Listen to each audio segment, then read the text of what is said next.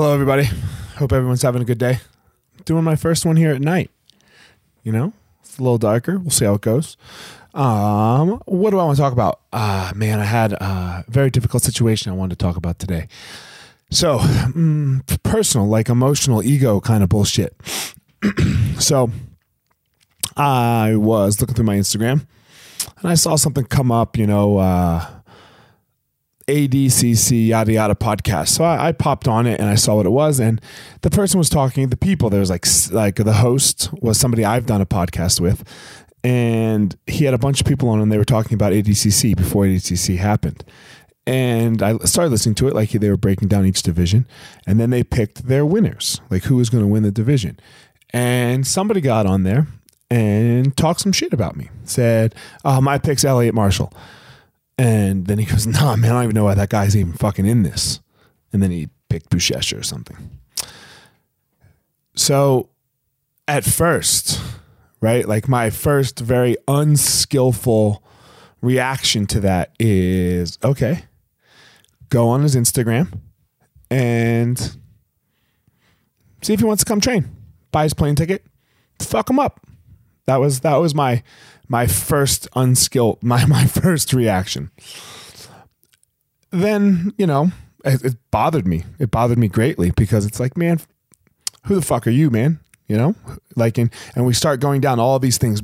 Who the fuck is this guy? And blah blah blah. And then you're looking at him and you're trying to make judgments based on you versus him. And man look here's the deal.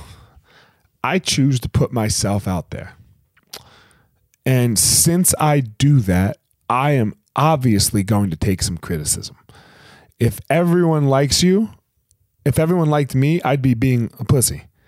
And secondly, yeah, I've never won any major Brazilian Jiu Jitsu competition, especially something like ADCC. So, yeah, I got in, and that's what I'm going to take. But come the end of the day, it's just me and myself. It's got nothing to do with anybody else. Um, I'm super happy about it. So, how am I going to let some guy who's just trolling, right? Some guy who probably wishes that he uh, would have the opportunity to get into ADCC or a host of other things in his life. And maybe he's very successful. I have no clue if he's successful in his life or not. How am I going to let that person have my day? The second I start letting that person have my day is the second that I could let start letting anybody have my day. And the second they start to have my day, anyone, now they can have my happiness. And if somebody else, if somebody else can get my happiness, man, I'm in for a world of suffering.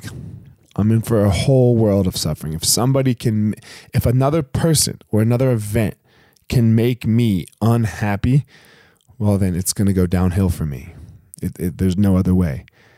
My day belongs to me. Every single day, I wake up and my day belongs to me. My wife doesn't get it. My kids don't get it.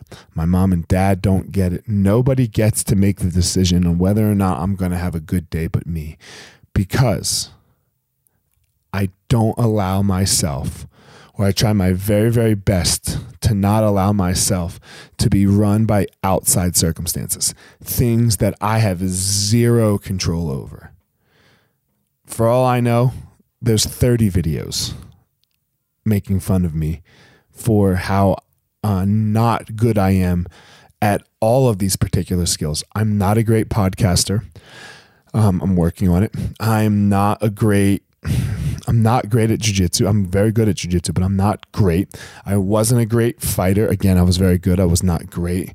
I don't seem to be very great at anything. And that's really okay with me because I get to keep striving for that greatness. And in in the process of striving, of course people are going to try to bring me down. Of course people are going to try to bring you down. Don't let anybody have your day. Don't give it away. Don't let the haters hate kill you in whatever it is you're doing. Don't let it because if it angers you, it's killing you.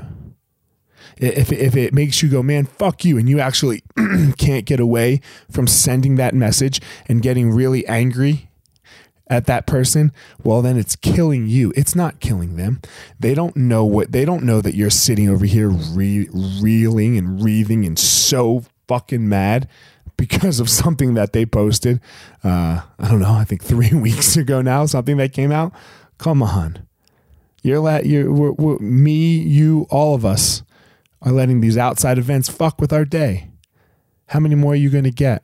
How many more days do you get? I don't know the answer to that question. I, I, you know, I don't think any of us do. It's what makes life so great.